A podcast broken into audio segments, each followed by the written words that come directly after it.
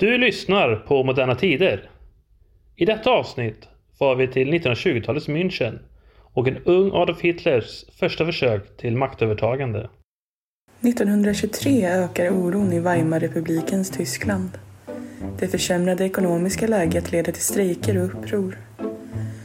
Att Frankrike ockuperar Ruhrområdet som en konsekvens av uteblivna inbetalningar av krigsskadeståndet efter första världskriget gör inte saken bättre. Missnöjet gör att stödet för nationalsocialistiska partiet under ledning av Adolf Hitler växer. Inspirerad av Benito Mussolinis svartskjortor och deras framgångsrika marsch mot Rom året innan tänker sig nazisterna kunna utnyttja det ökande kaoset för egen politisk vinning. I november ser Hitler det rätta läget att framträda för den nationella revolutionens igångsättande. Det hela tar sin början i en ölkällare i München. Med oss i detta avsnitt har vi Svante Nordin. Han är professor emeritus i idé och lärdomshistoria vid Lunds universitet och har skrivit ett flertal böcker. 2018 utkom han med boken Hitlers München i vilken den blivande fyrens tidiga politiska liv i den bayerska huvudstaden skildras. Ja, då säger jag välkommen till Svante Nordin till podden. Tack. Vi ska prata om eh, ölkällarkuppen idag, eh, 1923 i München. Eh, och jag tänkte börja fråga lite, vad var Tyskland och München vid den här tiden? Ja, München var och är huvudstad i Bayern. Och Bayern hade ju fram till hösten 1918 varit ett kungadöme.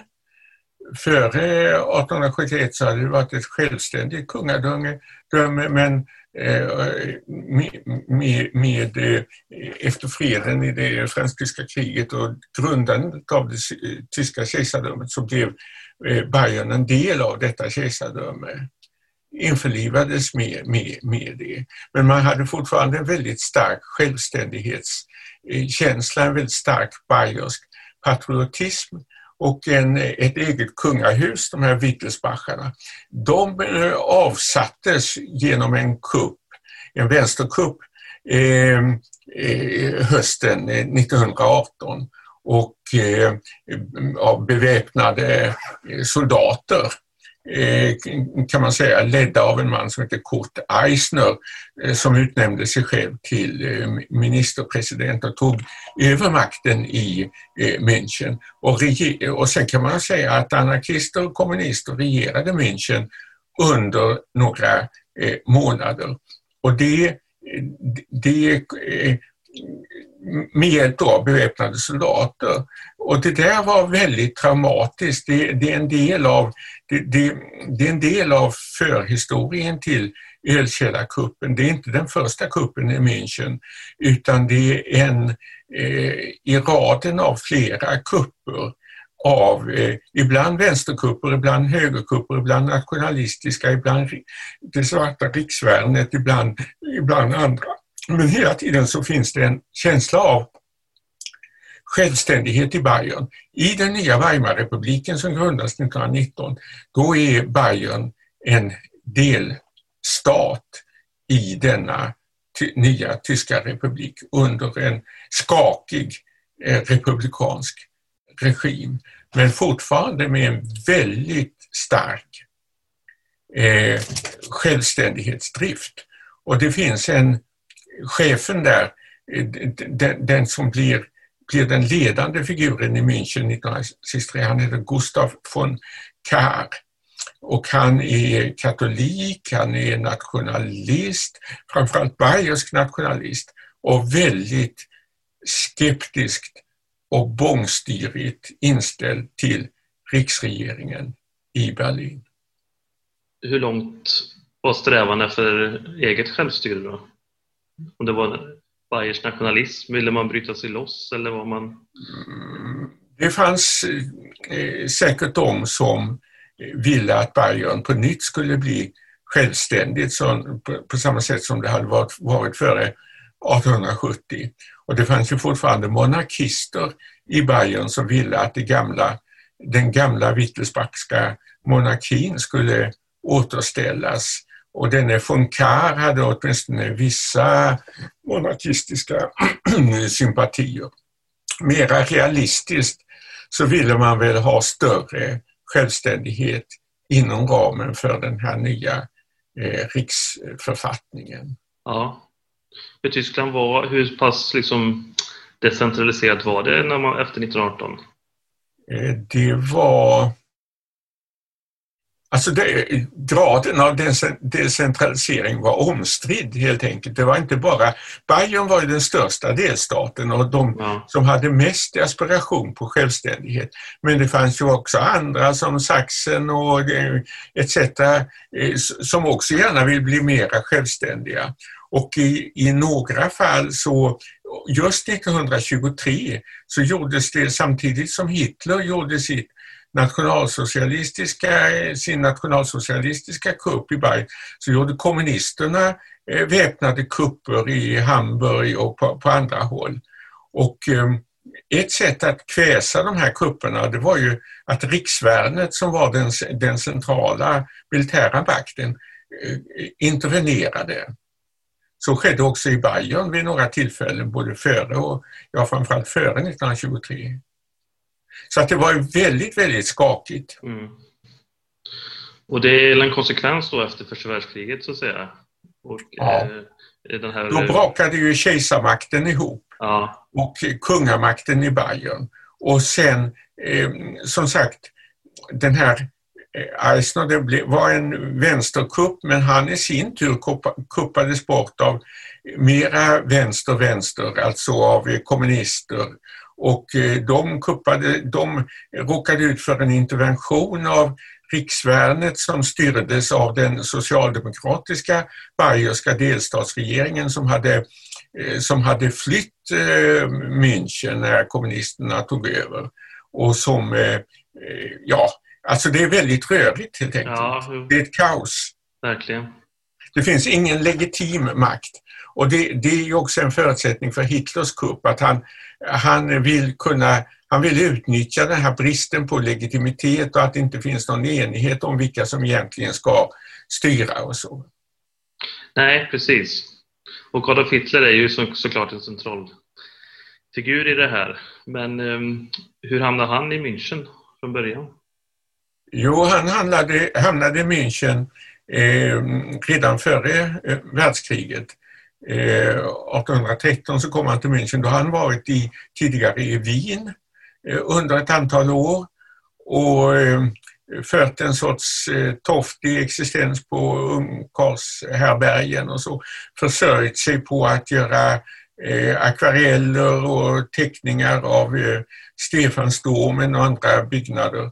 Och sen så kommer han Eh, till München. Förmodligen är han rädd för att bli inkallad till den österrikiska armén så att han smiter från värnplikten. Det talar han naturligtvis aldrig om när han skriver om detta i Mein Kampf, hans berömda självbiografi. Men det är den mest troliga förklaringen till att han avviker till München för att de österrikiska militära myndigheterna är hack i häl på honom och upptäcker honom, lokaliserar honom i München och tvingar honom att att anmäla sig för, för militärtjänstgöring även om han sen oduglig förklaras. Mm. Hur som helst, han fortsätter i München. Då lever han också på något, i något torftigt hotellrum och han drar sig fram genom att sälja. Då gör han, gör han eh, teckningar av eh, eh, München eh, exteriörer och eh, Alterhof och vad, vad, vad det nu hette för någonting. Men hans konstnärsambitioner fanns kvar fortfarande då så att säga? Eller var det bara ren försörjning? Ja, sen bryter ju, sen bryter ju världskriget ut. Ja. Och då anmäler han sig frivilligt till ett bayerskt regemente trots att han är österrikisk medborgare. Eh, men i villan där inför krigsutbrottet så accepterar man honom, bara skriver in honom. Och så tjänstgör han under fyra år då under första världskriget. Han är ordonnans, springer med, med budskap och så. Han utmärker han sköter sig ganska bra. Han blir, eh, får järnkorset ett par gånger och eh, anses vara en tapper soldat. Men Han visar inga ledaregenskaper av något som helst slag utan han förblir vicekorpral, det är det högsta han når. Sen blir han, återvänder han till München efter en sjukhusvistelse, han råkade ut för ett giftgasanfall kommer till. Men han återvänder till München och då hänger han sig kvar vid regementet så länge han kan och han dras in i eh, politiken. Han är först eh, röd, socialdemokrat eller halvkommunist och stöder den här kupp, första kuppmakaren Kurt Eisner. Och när Eisner mördas så deltar eh, Adolf Hitler i röda fanor under begravningsprocessionen. Detta säger han naturligtvis heller ingenting om i Mein Kampf för man har upptäckt det först nyligen att det är så. Och sen när eh, armén intervenerar, riksvärnet intervenerar, då går han över på den andra sidan och eh, blir kanske, vi vet inte säkert, men lite angivare mot sina gamla kamrater. Han går över på den andra sidan. Mm. Och sen eh, uppstår det en massa nya partier i kölvattnet av kriget och krigsnederlaget. En väldigt virrvarr och där finns det ett, det, det här nationalsocialistiska partiet, det tyska nationalsocialistiska arbetarpartiet.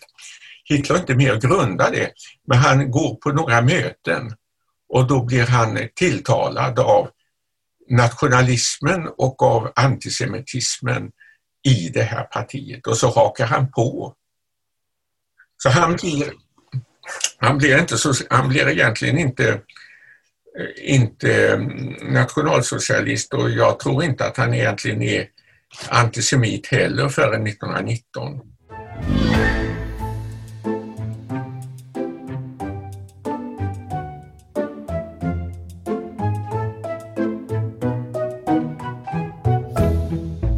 Det var det jag tänkte, tänkte på lite. Vet man någonting när hans liksom politiska engagemang började? Är det kriget som gör det? Det finns inget belägg för något egentligt politiskt engagemang, varken före kriget eller under kriget. Utan det är när han kommer tillbaka till det genompolitiserade München hösten, vintern 1918. Mm. Och då väljs han in i de här vänsterradikala soldatråden Eh, vid sin egen kasern och så. Och det är förmodligen början till hans politiska karriär. Och då, då kan inga undgå att bli politiska.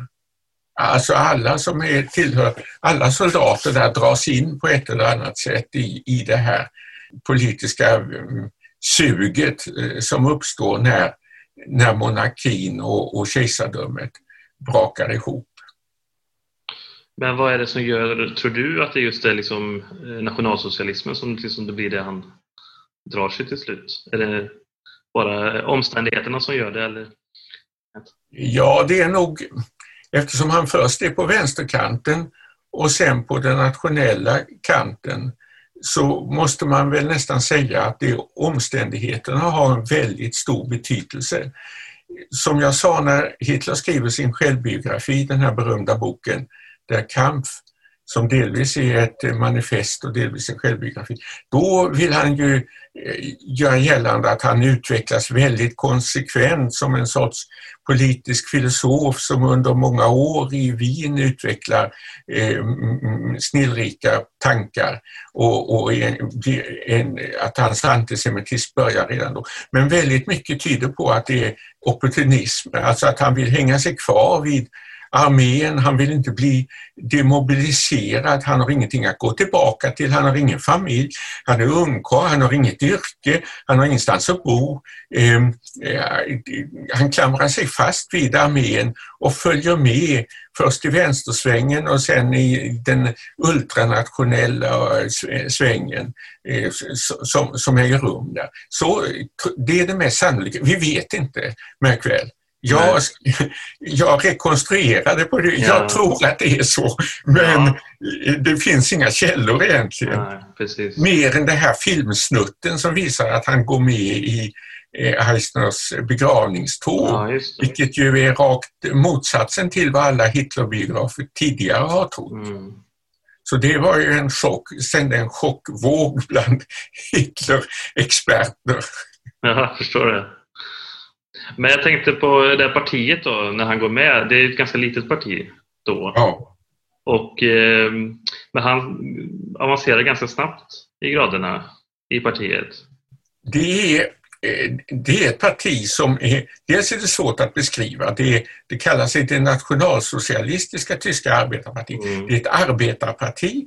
Det är bara eh, folk ur arbetarklassen och liknande som är medlemmar. Det har ingenting med, med eh, bildade personer egentligen i början. Den först, allra första tiden så är det mera ett arbetarparti.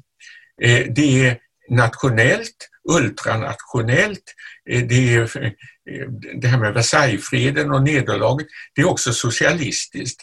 Och det, det socialistiska och det antisemitiska går tillsammans därför att judarna det är detsamma som storfinansen. Mm. Och det är både den tyska storfinansen men också den internationella storfinansen. Så att man, man talar väldigt mycket, och det gör också Hitler i sina tidiga tal, så talar man om, om eh, låneslaveriet, ränteslaveriet. Alltså det här att man blir slav under de som lånar ut pengar. Alltså det internationella storkapitalet som finns i USA, som finns i Frankrike eh, och i Storbritannien och som enligt den här mytologin då utgörs enbart av judar, eller det är i alla fall judarna som bestämmer.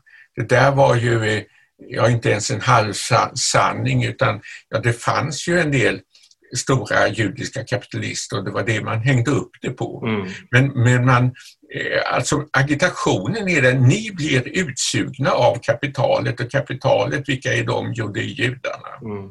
Det var det man sa till sina anhängare som var tillräckligt naiva och dumma för att tro på det.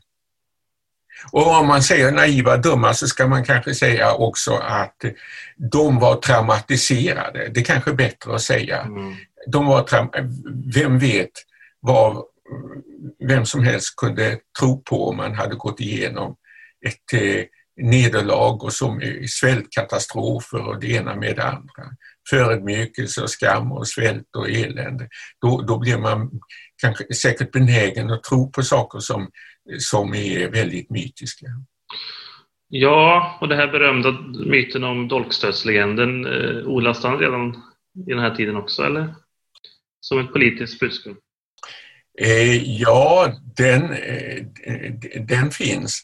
Och eh, en av dem som av naturliga skäl företrädde den var ju Erich von Ludendorff. Mm. Och Ludendorff var ju den ledande generalen vid sidan av Hindenburg under de sista åren av, eh, av första världskriget. Och det är Ludendorff som över, talar om för kejsaren att man måste begära vapenstillestånd.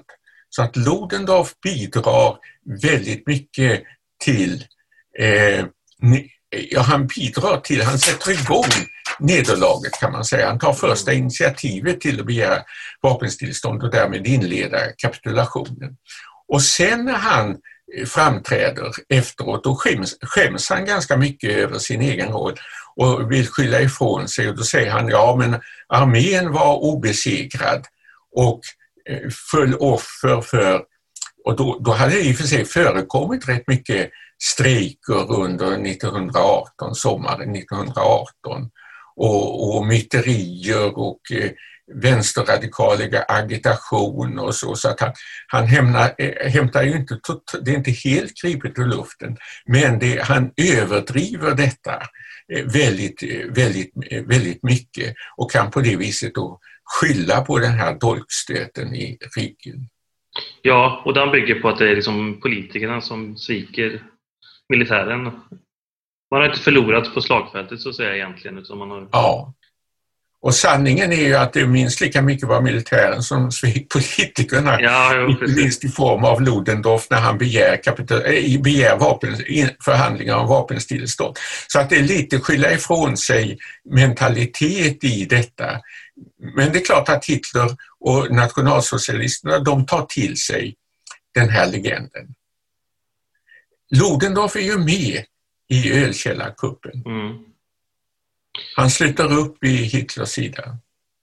Ja, jag tänkte just på det. Vad är det för andra viktiga personer som är liksom centrala i, eh, nationalsocialistiska partiet den här tiden? Ja, Ludendorff är inte med i det nationalsocialistiska partiet utan han, han är sin egen grupp så att säga, eller sin egen eh, man. Det fina med honom är att han har ett stort namn eftersom mm. han hade varit den ledande generalen under slutet av, av, eh, av krig. Ja, de som är med, eh, de, och Drexler och vad de heter för något, de är ganska okända personer. Det är en ledan, det, det är folk som har vad ska vi säga, nationalekonomer som inte är utbildade nationalekonomer utan som har sina egna teorier om det här med eh, ränteslaveriet och eh, om kapitalismen som en skapelse av judarna och, och så vidare. Och det är också andra intellektuella Eh, rasteoretiker och antisemiter, några stycken, fast det är inte vilka intellektuella, det är inga etablerade intellektuella utan lite avsigkomna, eh, lite alkoholiserade typer. Alltså så att det är ju inte det är ju verkligen inget respektabelt parti nej. Eh, vid, den, vid den tidpunkten. Men tar man dem på allvar? Eller ser man dem som pajasar? Nej, nej, nej. Det gör man absolut inte. Och det kan man väl säga, det blir ju sen av Hitlers stora taktiska tillgångar att han blir hela tiden, egentligen fram till maktövertagandet 1933, eh, underskattad av andra som tror att de kan manipulera honom och manövrera honom. De, de, de tror att de inte behöver ta nationalsocialisterna eller Hitler på allvar. Mm. Och det, vad är han för någonting? Han är en totalt misslyckad, fullständigt misslyckad typ. Han, han har aldrig blivit färdig med någon skolexamen. När han tror att han ska bli, eh, bli, bli målare och konstnär så blir han kuggad i inträdesexamen mm. till konstakademin i, i Wien. Han skaffar sig aldrig något riktigt yrke, han bildar inte familj. Han, han, han är liksom en person helt i periferin. Och att en sån person sen visar sig vara en av eh, Tysklands och Europas slugaste och skickligaste politiker. Det, det, detta, alltså det blir en sorts taktisk fördel. Han, han överrumplar alla med sin förvandling.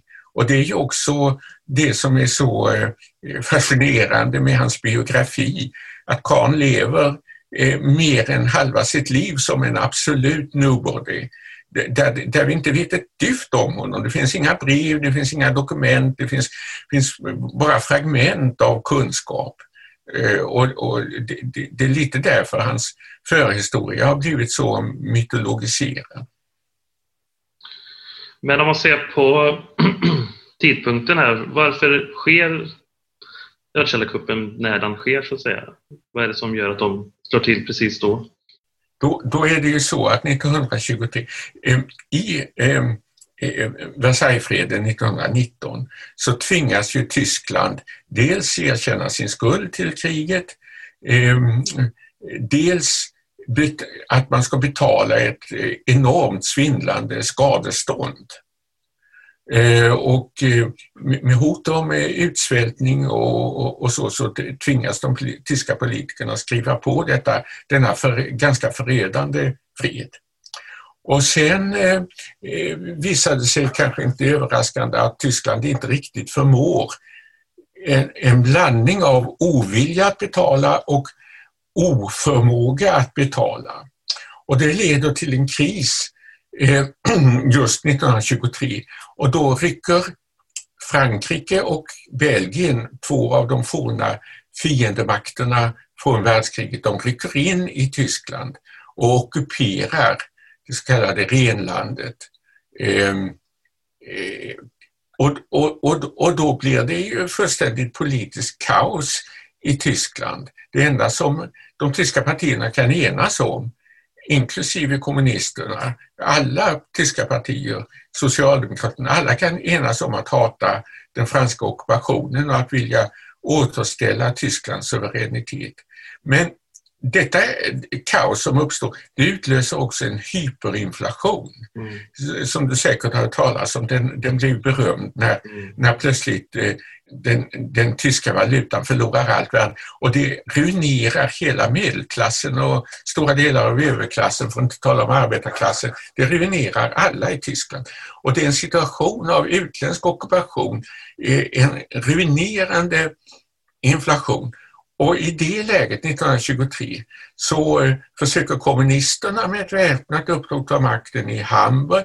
Det så kallade svarta riksvärnet försöker ta makten på ett annat håll och eh, eh, Hitler tar initiativ till ölkällarkuppen. Så att i, det, det, är ett kaos som har uppstått och det är det som är anledningen till att det här, allt det här händer 1923. Ja, och man försöker utnyttja det här liksom, kaoset man försöker utnyttja, ja precis.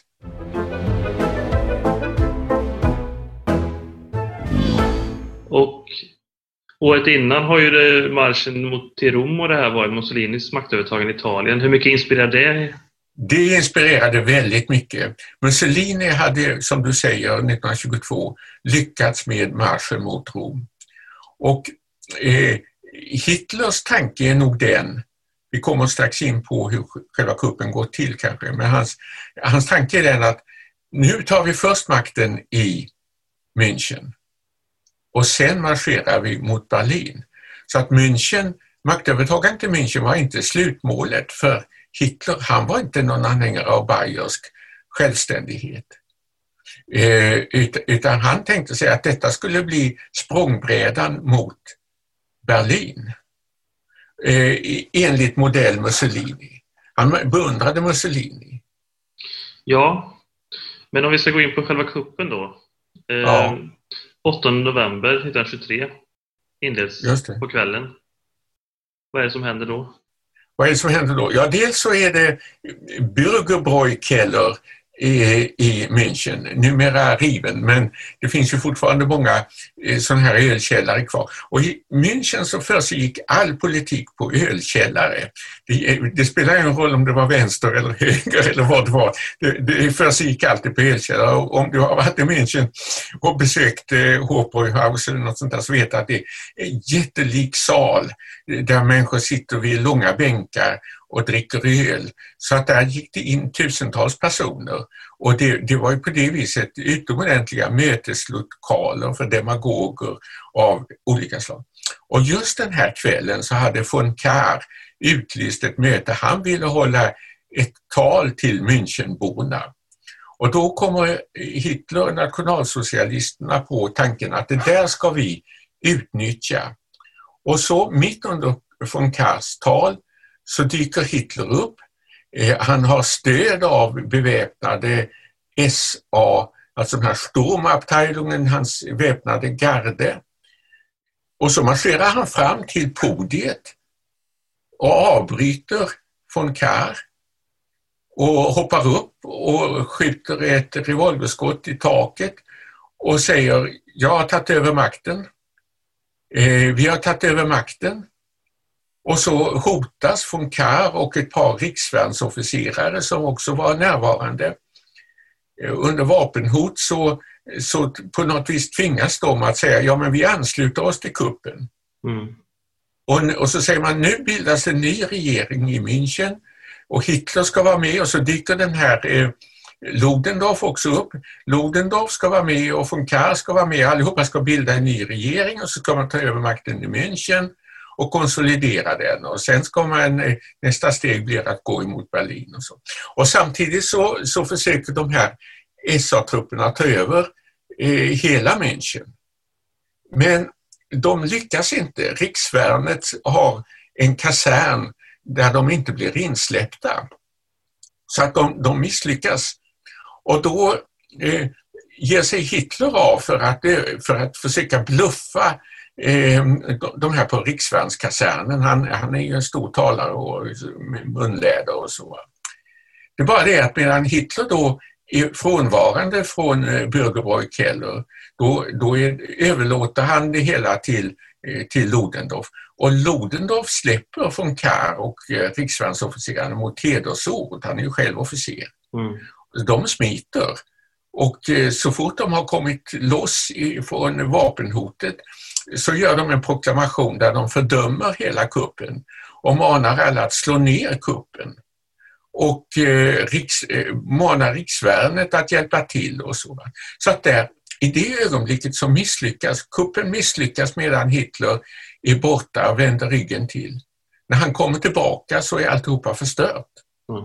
Och då, då, är det, då, är det, då har det redan pajat egentligen. Och sen diskuterar man vad ska vi göra nu?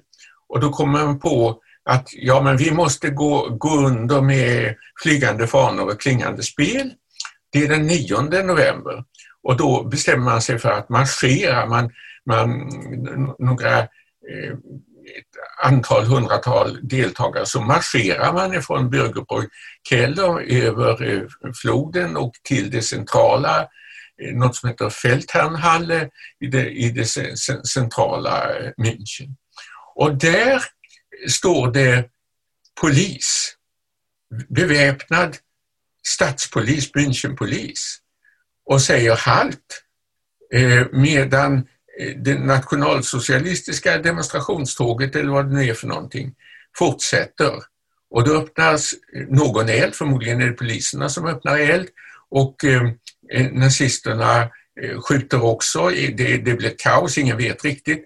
Eh, Hitler går eh, armkrok med en annan framstående eh, nazist som skjuts och dödas och stupar och drar med sig Hitler mot marken och Hitler vrider axeln ur led men undgår att själv bli sårad av kulregnet och lyckas smita, eh, kommer undan i en bil. Detsamma gör Göring och en hel del andra höga nazister. Det är bara det att kuppen har misslyckats. 13 nazister dödas och sen är polisen hack i hälarna på dem. De infångas och eh, sätts i fängelse och ställs så småningom inför rätta. Så att det, det är ett totalt fiasko. Men över detta fiasko bygger Hitler sen en legend. Ja. Men du menar att, att de, alltså, det var redan kört på kvällen egentligen? Så det, andra ja. bara, det var andra bara en symbolisk handling egentligen? Ja. För att jag, jag förstår som att Hitler, han trodde väl inte på att det skulle behövas så mycket våld egentligen, utan han trodde väl att Nej. det räckte att han liksom utropade så skulle alla ge sig på något sätt med en gång. Ja, men idén var ju att eh, eh få med sig, tvinga med sig Kahr och de här två riksvärnsofficerarna. Och då hade Kahr ehm, eh, hållit sitt avtvingade löfte sitt under pistolhot avtvingade löfte att medverka om han hade gjort det. Mm. Och det var väl det som var, var idén. Då hade kanske eh, den här Münchenpolisen inte ingripit. Mm. Så att mm, hela uträkningen sprack egentligen när Ludendorff släppte de här tre fångarna. Eh, efter det så hade det pajat. I samma ögonblick som von Kahr eh, vände sig till befolkningen i München och Bayern och tog avstånd från kuppen så hade den misslyckats. Ja. Det var en bluff. Det byggde på en bluff som misslyckades. Men vad var tanken i förlängningen då? Att det skulle skapa någon slags förvirring i Berlin och andra städer också då? Att, eh... Tanken i förlängningen var att man skulle konsolidera under Hitlers och Ludendorffs och von Kahrs ledning och de här Lossow hette den ena krigsvärnsofficeren. Man skulle konsolidera en ny regim i Bayern, mm. i München. Och när man väl hade gjort det då skulle man kunna gå vidare. I, hela Tyskland var ju kaos som jag sa. Ja, då skulle man kunna gå vidare mot Berlin. Men det var ett senare steg. Det första steget var att konsolidera, göra den här kuppen, konsolidera makten i, i München och i Bayern. Och eftersom det misslyckades så blev det inga fler steg egentligen. Mer än just den här som jag sa, eh, egentligen demonstrationen, att man, att man, man vill inte bara bli belägrad i Bürgerbräu heller utan man vill göra något lite flottare, lite mer spektakulärt. Och det var ju tur för Hitler för att han, han gjorde ju detta till en stor legend mm. och, och de här stupade betraktades som martyrer och firades sen varje år under Hitlers regim. Men i den nazistiska propagandan sedan så kanske inte man sa att det misslyckades så snabbt, eller? En, hur mycket vässade man historien sen? Ja, jo, alltså i Hitlers försvar sen när han, han hamnar i fängelse i Landsberg och han blir ställd inför rätta för, för högförräderi. Och hans försvar då är att säga att ja, men jag gav stränga order om att eh, inga i demonstrationståget skulle vara beväpnad. Eh, eh, och det är möjligt att han gav en sån order, det är ingen som riktigt vet. I vilket fall, det var en fredlig demonstration. Polisen öppnade eld mot en fredlig demonstration. Det var ett exempel på polisvåld mm. det, det, det, mot fredliga demonstranter. Det var Hitlers linje inför, eh, inför rätta. Så att han, eh, han framställde det inte som att själva den här marschen var en väpnad kupp utan han framställde det som att det var en fredlig demonstration som möttes av polisvåld och där, där de här stupade var martyrer. Men du pratade om Ludendorff också. Vad, vad, var hans roll egentligen i hela det här? Var han bara en symbol också eller, vad hade han någon, eller skulle han ha någon posi viktig position när man väl hade tagit makten? Eller vad var Ja, hans roll, förutom att sabba alltihop som jag sa, att, att släppa någon gisslan, ja. Eh, det, det, var att förläna, alltså att det stora namnet Ludendorff, ja. som var en eh, krigshjälte, inte riktigt i klass med Hindenburg, men nästan, det skulle bidra till att ge legitimitet åt det här nya styret. Mm. Om man sen skulle marschera mot Berlin så var det bra att ha med sig eh, Ludendorff. Så han skulle han skulle ge glans åt det, åt det hela. Och han själv trodde väl att han skulle få den ledande rollen och att eh, Hitler skulle kunna bli hans marionett medan Hitler trodde att Ludendorff skulle bli hans mm. marionett. Alltså de, de, de, de, var båda inne på att de kunde manipulera den andra. Ja. För Ludendorff får ju ingen, han får ju ingen roll senare så att säga. I... Nej men sen är hans, eh, hans eh, roll avslutad efter det här för att han sen blir han ovän med Hitler mm. och, eh, och, och eh, nej, nej. Sen, sen har han ingenting med nationalsocialisterna att, att göra. Han anser sig illa behandlad under de, den, de här eh, eh, dagarna. Men han är med i marschen. Ja. Men sen blir det, då blir grip, Hitler grips ju några dagar senare va? Ja. Eh, och sen blir det ju rättegång då. Ja. Men han lyckas, han får det lägsta straffet i sällskap. Han får det lägsta möjliga straffet, fem år, som sen, eh, sen blir det eh, villkorlig frigivning. Eh, så att han sitter bara ett drygt år eh, i det där fängelset. Och då, det, det hänger samman dels med att man har en ganska Eh, sen gammalt en väldigt, eh, en rätt mild eh, lagstiftning när det gäller politiska brott.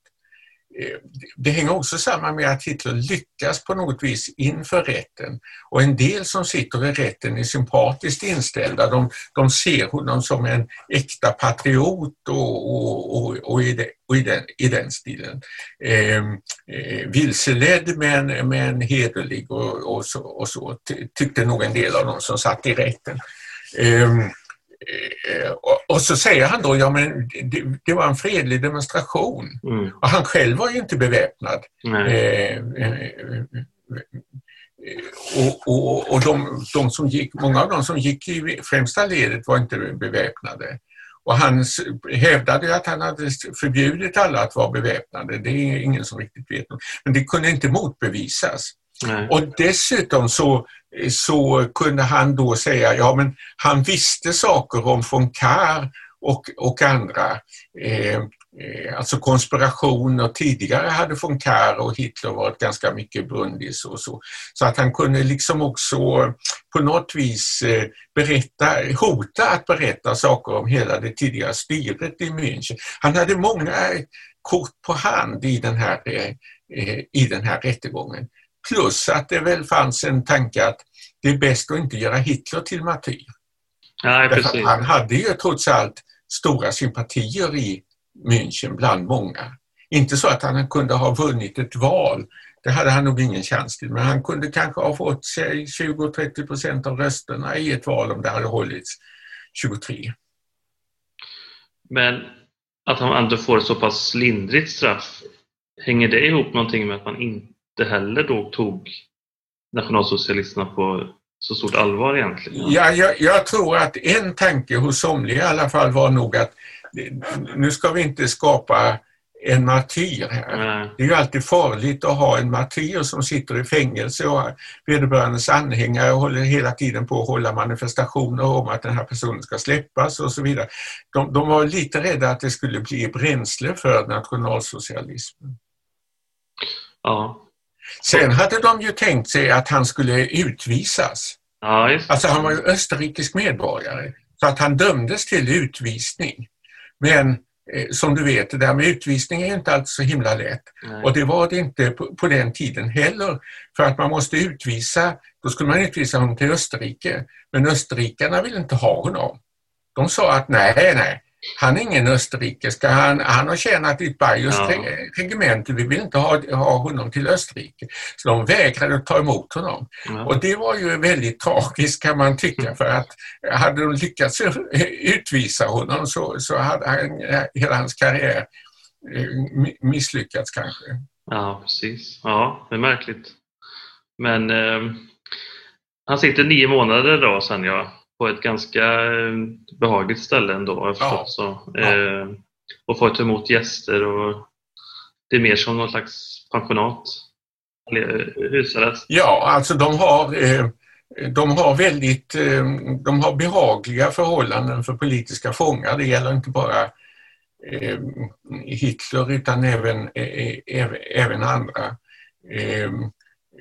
Och han får ta emot gäster. Det är ju framförallt då det viktiga i nationalsocialismens historia är att det är då han, eh, han knackar ner med två eh, fingrar på en eh, för ändamålet införskaffad skrivmaskin första delen av Mein Kampf. Mm.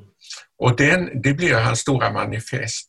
Och det blir också en sorts bevis för att han inte bara är i en eh, analfabet eller eh, alltså att han kan skriva och eh, det, det är ju inte någon litterärt lysande bok på något vis men, men, men det är i alla fall, han, han, han knackar ner 400 sidor och sen 400 sidor till och, och det, det blir liksom någon sorts fundament då ändå för nationalsocialismen.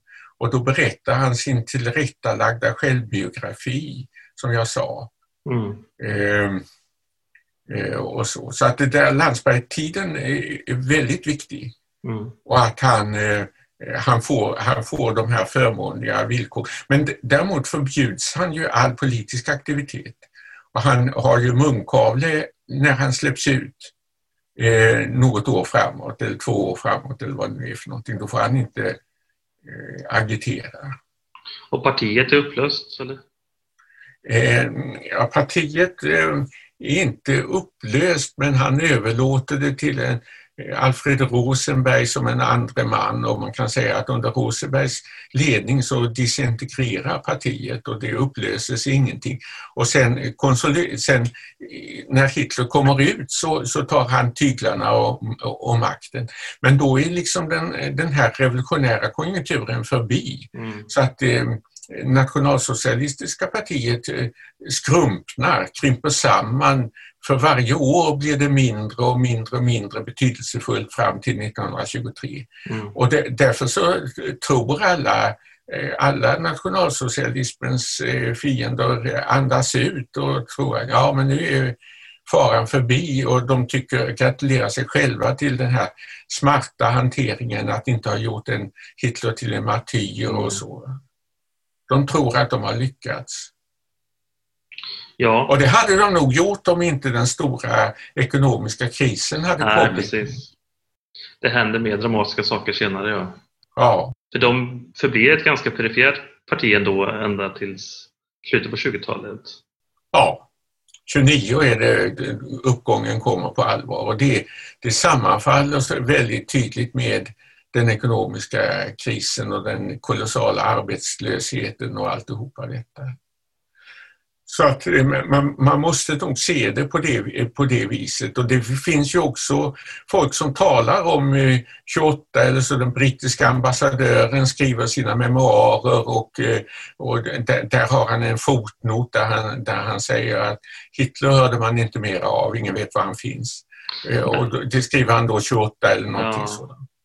Men han var så att säga ändå en ganska känd person fortfarande då? Ja, efteråt han blev ju känd genom den där rättegången, ja. för de som kommer ihåg det. Men han blev känd och bortglömd. Det var det, det, var det ungefär den brittiska ambassadören sa. Det var liksom en, en nio dagars underverk.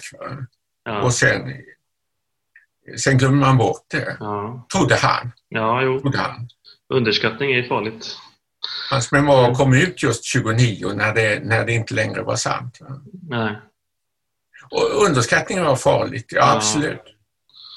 Uh, ja, och det var de, de övriga som var med dömdes fick också ganska milda straff, eller? Uh, de fick ganska milda straff beroende lite på uh, vad de hade gjort för någonting. Alltså en del av problemet var, var, var ju att var detta en fredlig demonstration eller var det inte? var, var, det, var det enskilda personer som, som hade antingen skjutit eller besvarat eld från polisen och, och, och så vidare.